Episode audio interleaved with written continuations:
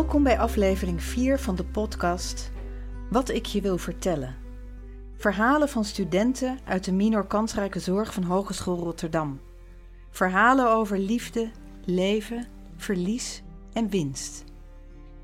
In aflevering 1 heb ik meer verteld over het ontstaan en de achtergrond van deze podcast. In deze laatste aflevering, aflevering 4, hoor je een tweetal ex-studenten die vorig jaar hebben deelgenomen aan deze minor. Ilse van Oosterom, vierdejaars verloskundestudent, en Romee Simelink, medisch maatschappelijk werker.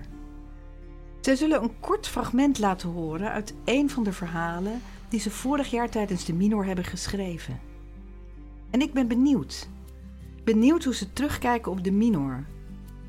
Wat hebben ze er uiteindelijk van geleerd? En wat zien ze terug in de praktijk? Heeft het invloed gehad op hun visie wie ze zijn als zorgprofessional? Bij mij aan tafel zitten Ilse en Romee. Welkom. Ik vind het heel erg leuk om jullie weer te zien en leuk dat jullie uh, er zijn.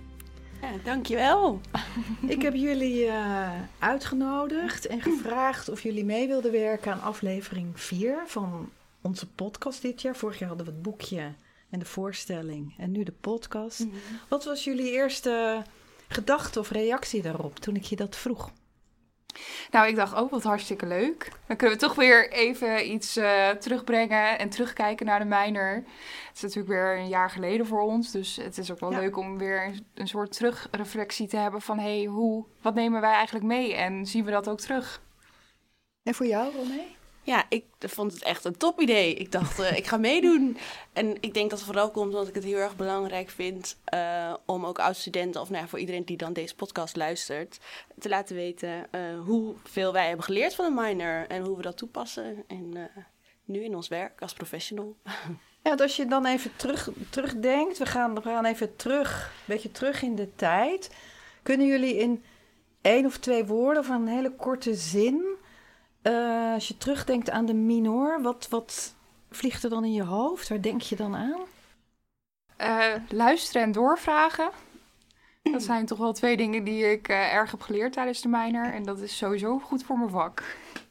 Ja, en ik denk ook wel praktijk en theorie. Die combinatie Um, vond ik heel fijn. Oké, okay, zeg maar de, de stage die jullie hadden. Ja. En de dag die wij op de opleiding hadden. Ja. Ook met de, de colleges, de verhalen, de, ja. alles wat we ook met elkaar hebben gedaan. Ja. Oké, okay.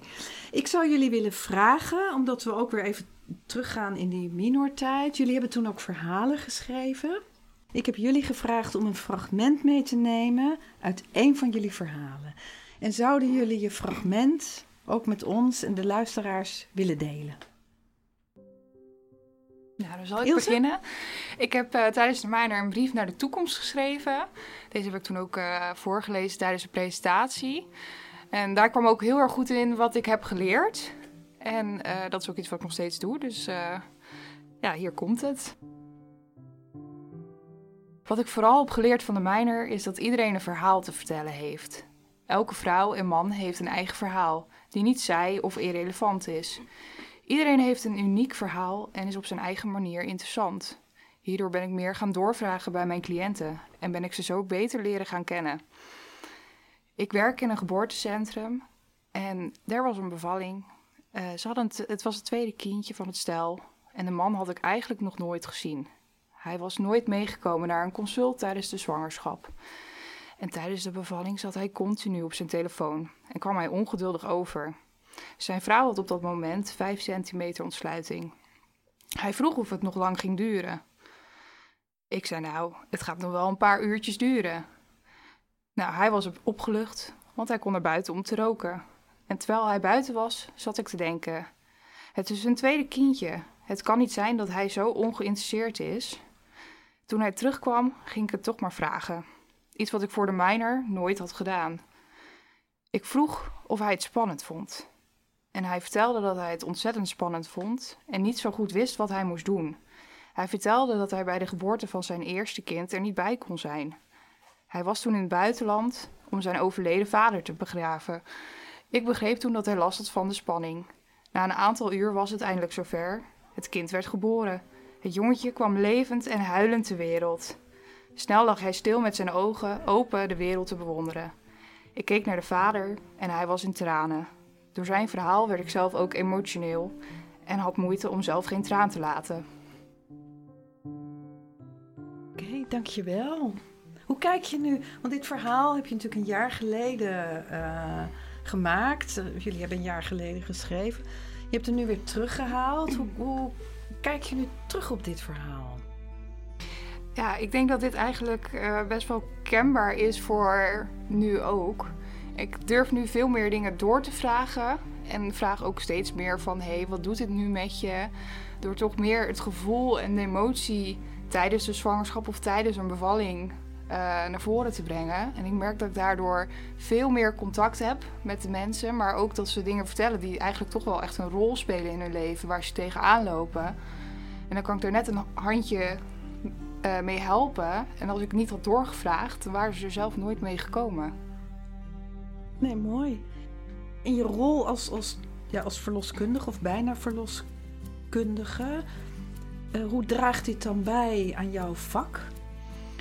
Uh, nou, het zorgt ervoor dat de controle niet alleen maar medische controle is. Ik uh, vraag gewoon wat dieper door. Ik betrek ook uh, het werken bij. Hoe is het werk nu? Ik kijk veel meer naar de transitie naar ouderschap. Want dat is eigenlijk wat er natuurlijk tijdens zo'n hele zwangerschap gebeurt. Ja. Ze veranderen van een stel naar een gezin en, een, en ouders. En dat is natuurlijk een hele verandering in hun leven. En ik kan dan toch net steentjes bijdragen om te helpen met die transitie. Oké, okay, dat is voor jou de winst of de waarde ja. geweest die, waarvan je het effect nu nog merkt. Ja. Uh, hoe is dat voor de cliënt? Ja, ik merk dat de cliënt ook gewoon uh, altijd weer heel blij is om mij te zien.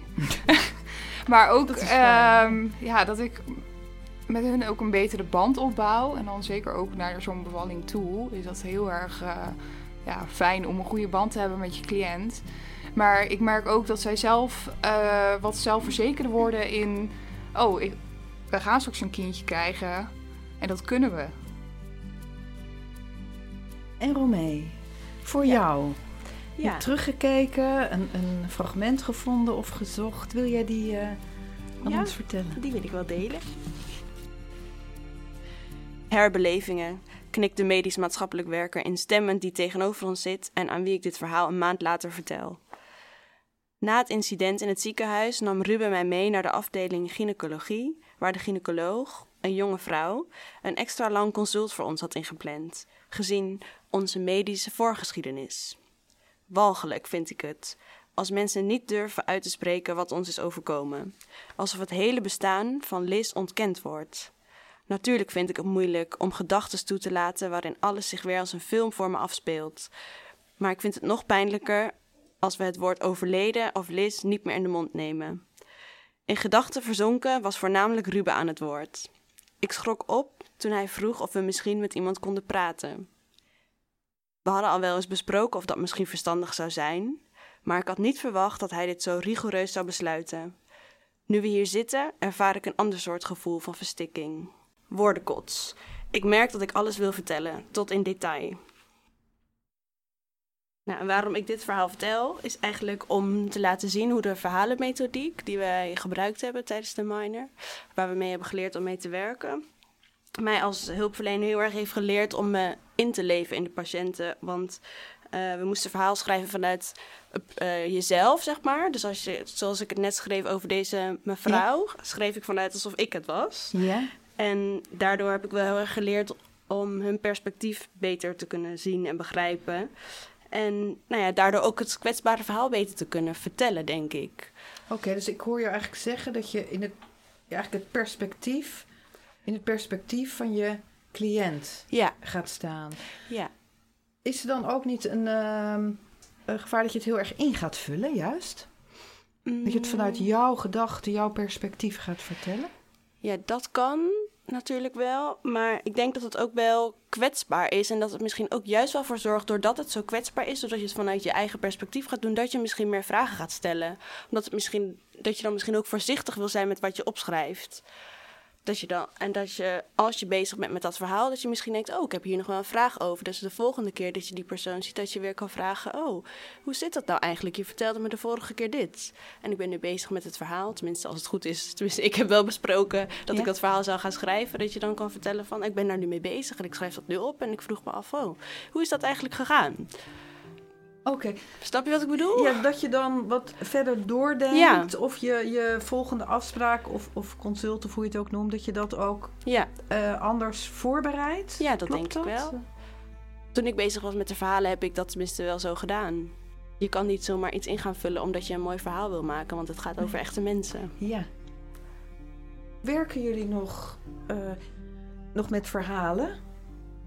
Ik heb je Ilse, ik weet nog dat jij zei van... eh, nee, ik ga nu in het begin een verhaal schrijven. Nou, ik ben geen schrijver. En aan het eind zei je, nou, misschien ga ik wel bloggen. Ja, ik dacht eerst echt, eh, waar ben ik aan begonnen met deze minor? Ik dacht even dat ik de verkeerde keuze had gemaakt met het Ja. schrijven. De rest sprak me wel heel erg aan, maar eigenlijk gaandeweg ben ik het schrijven wel echt heel erg leuk gaan vinden. En ik ben ook bezig met schrijven af en toe. En soms laat de tijd het niet toe met eh 24 uur per dag op roepbar staan en eh, stage. Maar ik schrijf wel en ik wil er ook nog steeds wel wat mee doen. Maar ik moet daar eerst de tijd voor vinden om eh, iets er echt mee te gaan doen. En jij, Romee? Ben jij nog bezig Ehm. met het gebruiken of, of het inzetten van verhalen? Nou, ik schrijf voornamelijk veel rapportages voor mijn patiënten. maar eh, daarin merk ik wel dat ik ehm, in contact met patiënten, want de verhalenmethodiek zoals we die gebruiken, dat gaat dan niet per se over schrijven, maar Nee. toepassen in een gesprek om Ja. iets beeldend te maken. eh, dat gebruik ik nog wel eens. En dan leg ik ook uit van, oh goh, ken je misschien het eh, sprookje van uh, Assenpoester? en er gebeurt wat vervelends. En dan probeer ik dat een beetje uit te leggen hoe dat werkt. En dan vertel ik ook dat ik daarmee heb geleerd te werken. En dan vraag ik ook van, goh, hoe vind je dit als ik je dit zo uitleg? En wie zou dan jouw helper zijn? Zodat het ook voor hen inzichtelijk wordt van, oh, hoe zit dat eigenlijk bij mij? En dat ze er eens over nadenken. Ja, jij gebruikt het echt in de eh, gespreksvorm. Dat, ja, de verhalenmethodiek zoals we dat geleerd hebben om mee te schrijven, eigenlijk probeer ik het eh, met woorden, beelden Ja. te maken hoe hun verhaal in elkaar zit. Hoe is dat voor je cliënten die, die bij je aan tafel zitten? Eh, nou, ik test dat wel altijd een beetje uit natuurlijk. Ja. Niet alsof ik dat te pas en te onpas gebruik. Maar ik had bijvoorbeeld laatst een ehm, ja, patiënt, noemen wij het dan, maar een patiënt. En zij vertelde van, ja, ik heb het gevoel alsof ik aan de rand van de afgrond sta. Ja? En eh, toen dacht ik, oké, ze praat zelf al een beetje in beeldend en metafoor. Zo ga ik het even met haar bekijken van, oké, hoe ziet jouw verhaal er dan uit? En een week later vroeg ik haar ook van, nou, waar sta je nu op de afgrond? Toen zei ze al wel eh, dat ze er al wel een meter vanaf zou staan. Dus dat heeft haar wel heel erg geholpen. Maar ja, soms kijkt een patiëntje ook een beetje glazig aan en zegt ze, nou, dat is niks voor mij. Maar ja, dat kan ook. Ja. En dan proberen we wat anders. Was in de minor ook af en toe? Ja, precies. Kijken jullie ook Past niet bij heel iedereen. glazig eh, Ja. mij aan? Ja. Naast de verhalen van de eh, moeders, zeg maar, die jullie hebben opgehaald, zijn we ook. ehm, jullie hebben toen drie verhalen geschreven, hè? Ehm, een verhaal van jezelf, een verhaal van de moeder en een verhaal over de opbrengst. Eigenlijk wat neem je mee uit de minor? En daarnaast nog, waar jij ook eh, net mee begon, Ilse, de brief uit de toekomst. Ehm, als je terugkijkt ook naar je eigen verhaal, kunnen jullie nog iets zeggen van wat je hebt meegenomen qua visie? Of, of als je terugdenkt aan dat verhaal, wat je daarvan is bijgebleven? Nou ja, ik weet dat mijn verhaal vooral over schrijven ging. Omdat ik daar toch wel eerst in het begin heel erg tegenaan liep. Ja. En het eerst ook vreselijk vond om ermee te beginnen. En uiteindelijk het heel erg leuk vond om te schrijven. En verder te onderzoeken naar wat, wat het was, het pad van mij en mevrouw, wat ik nu ga schrijven. Oh, ik mis nog een stukje. Ik ga doorvragen, waardoor je ook meer in contact komt.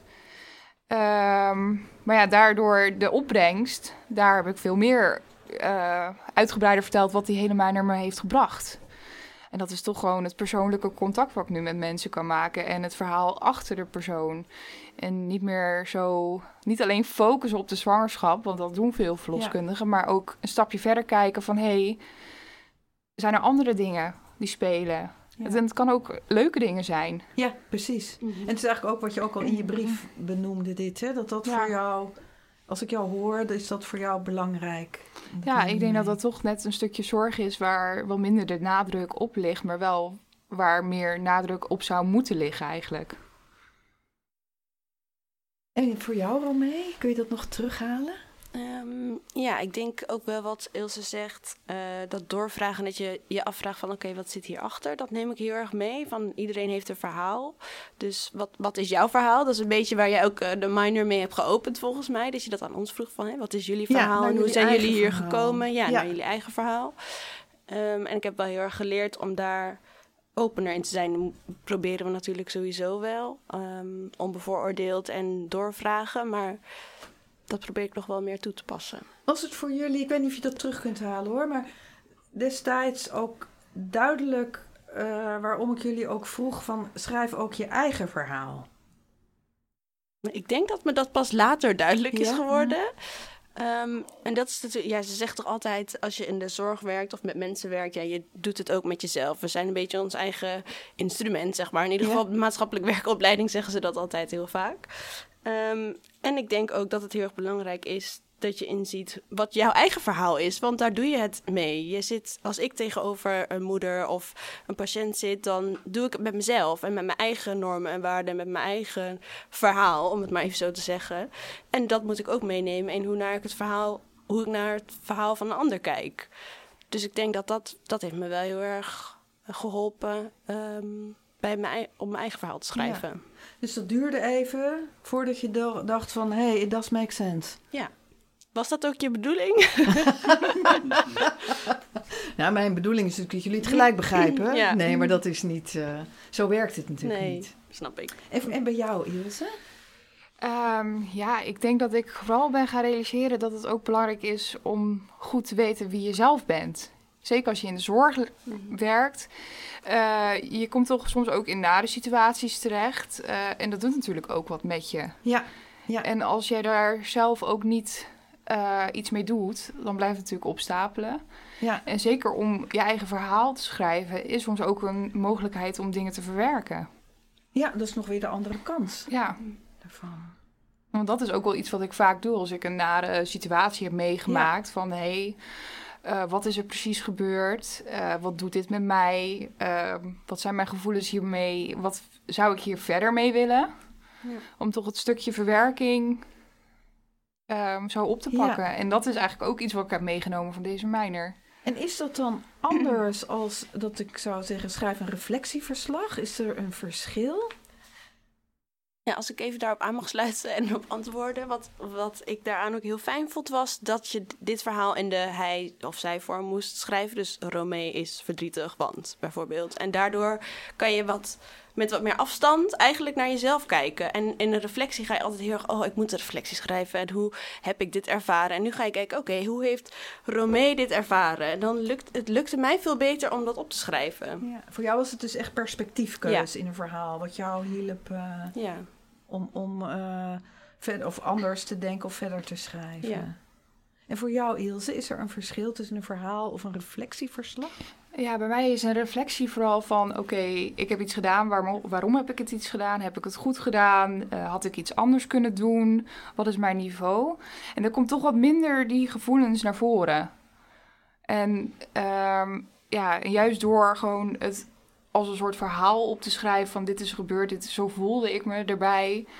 Um, ja, is het een heel stuk persoonlijker. Dus er had ik laatst ook een kindje die na de bevalling niet goed deed. En dat deed natuurlijk best Even wel veel. voor de luisteraar het niet goed deed? Wat, wat uh, die begon dus niet met huilen na de bevalling. Wat je verwacht van een kindje, zoals ja. natuurlijk ook in de films gaat. En als ze niet huilen, dan gaan ze dus ook niet ademen. En dat is natuurlijk uh, voor een kindje niet goed, want nee. die moet natuurlijk wel zijn zuurstof krijgen. Uh, dus die ging snel achteruit. En die moest uiteindelijk ook naar een reanimatietafel voor extra zuurstof. En het was de eerste keer dat ik zo'n situatie echt had meegemaakt. Ja. En um, ja, het ging er niet zozeer in van hoe heb ik gehandeld, heb ik dat goed gedaan, maar meer wat deed het nou echt met me. Niet zozeer um, de handelingen, maar hoe, val, ja, hoe viel dit voor mij op mijn gevoelens? Uh, is het iets wat ik mee naar huis ga nemen? Um, ook als ik hier dan bijvoorbeeld s'nachts over nog even aan het nadenken ja. ben, dan schrijf ik het liever op dan dat ik het ga, ga nadenken. Want met het opschrijven laat ik het meer los. Ja, dat is wat je net ook zei, dat ook de, de functie of de kracht van een verhaal is om soms ook dingen van je af te schrijven. Ja, zeker. En een verhaal geeft, geeft dat je, misschien vul ik het in hoor, geeft Mm. dat je dan meer ruimte om dat te beschrijven als dat je in een reflectieverslag zit. Ja, ja.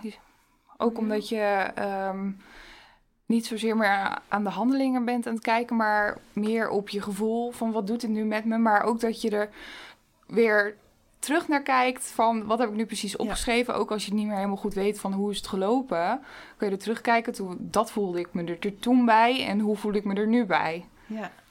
Mooi, is er een verschil? Jij zegt ik ben echt aan, aan het schrijven en jij zegt meer van ik gebruik het in mijn gesprekken Ja. en de dialoog. Ik weet niet of jullie nog kunnen herinneren, helemaal aan het begin van de minor, of ergens heb ik jullie ook gevraagd van maak een plotvraag. En weer even voor degene die hier naar luistert.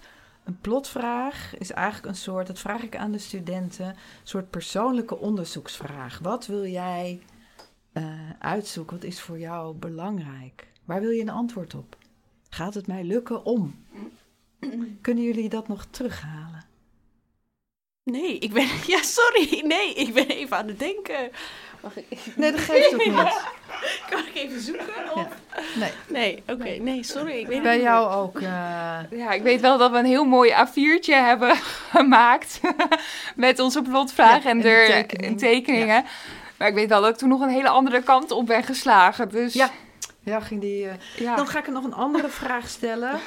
Ehm, als je nu kijkt naar nu, naar ja, je zit in het werkveld of bijna in het werkveld. Heeft het bijgedragen ook, ook in jouw visie? Ja, mag ik nog even terugkomen op de plotvraag? Ik. ik herinner me namelijk weer even. en Misschien kan ik er wel een bruggetje maken met de vraag die je nu nou, stelt. Romee, je bent geweldig. Was- Vertel. je, eh, mijn plotvraag was volgens mij: kan ik de heldin worden in mijn eigen verhaal?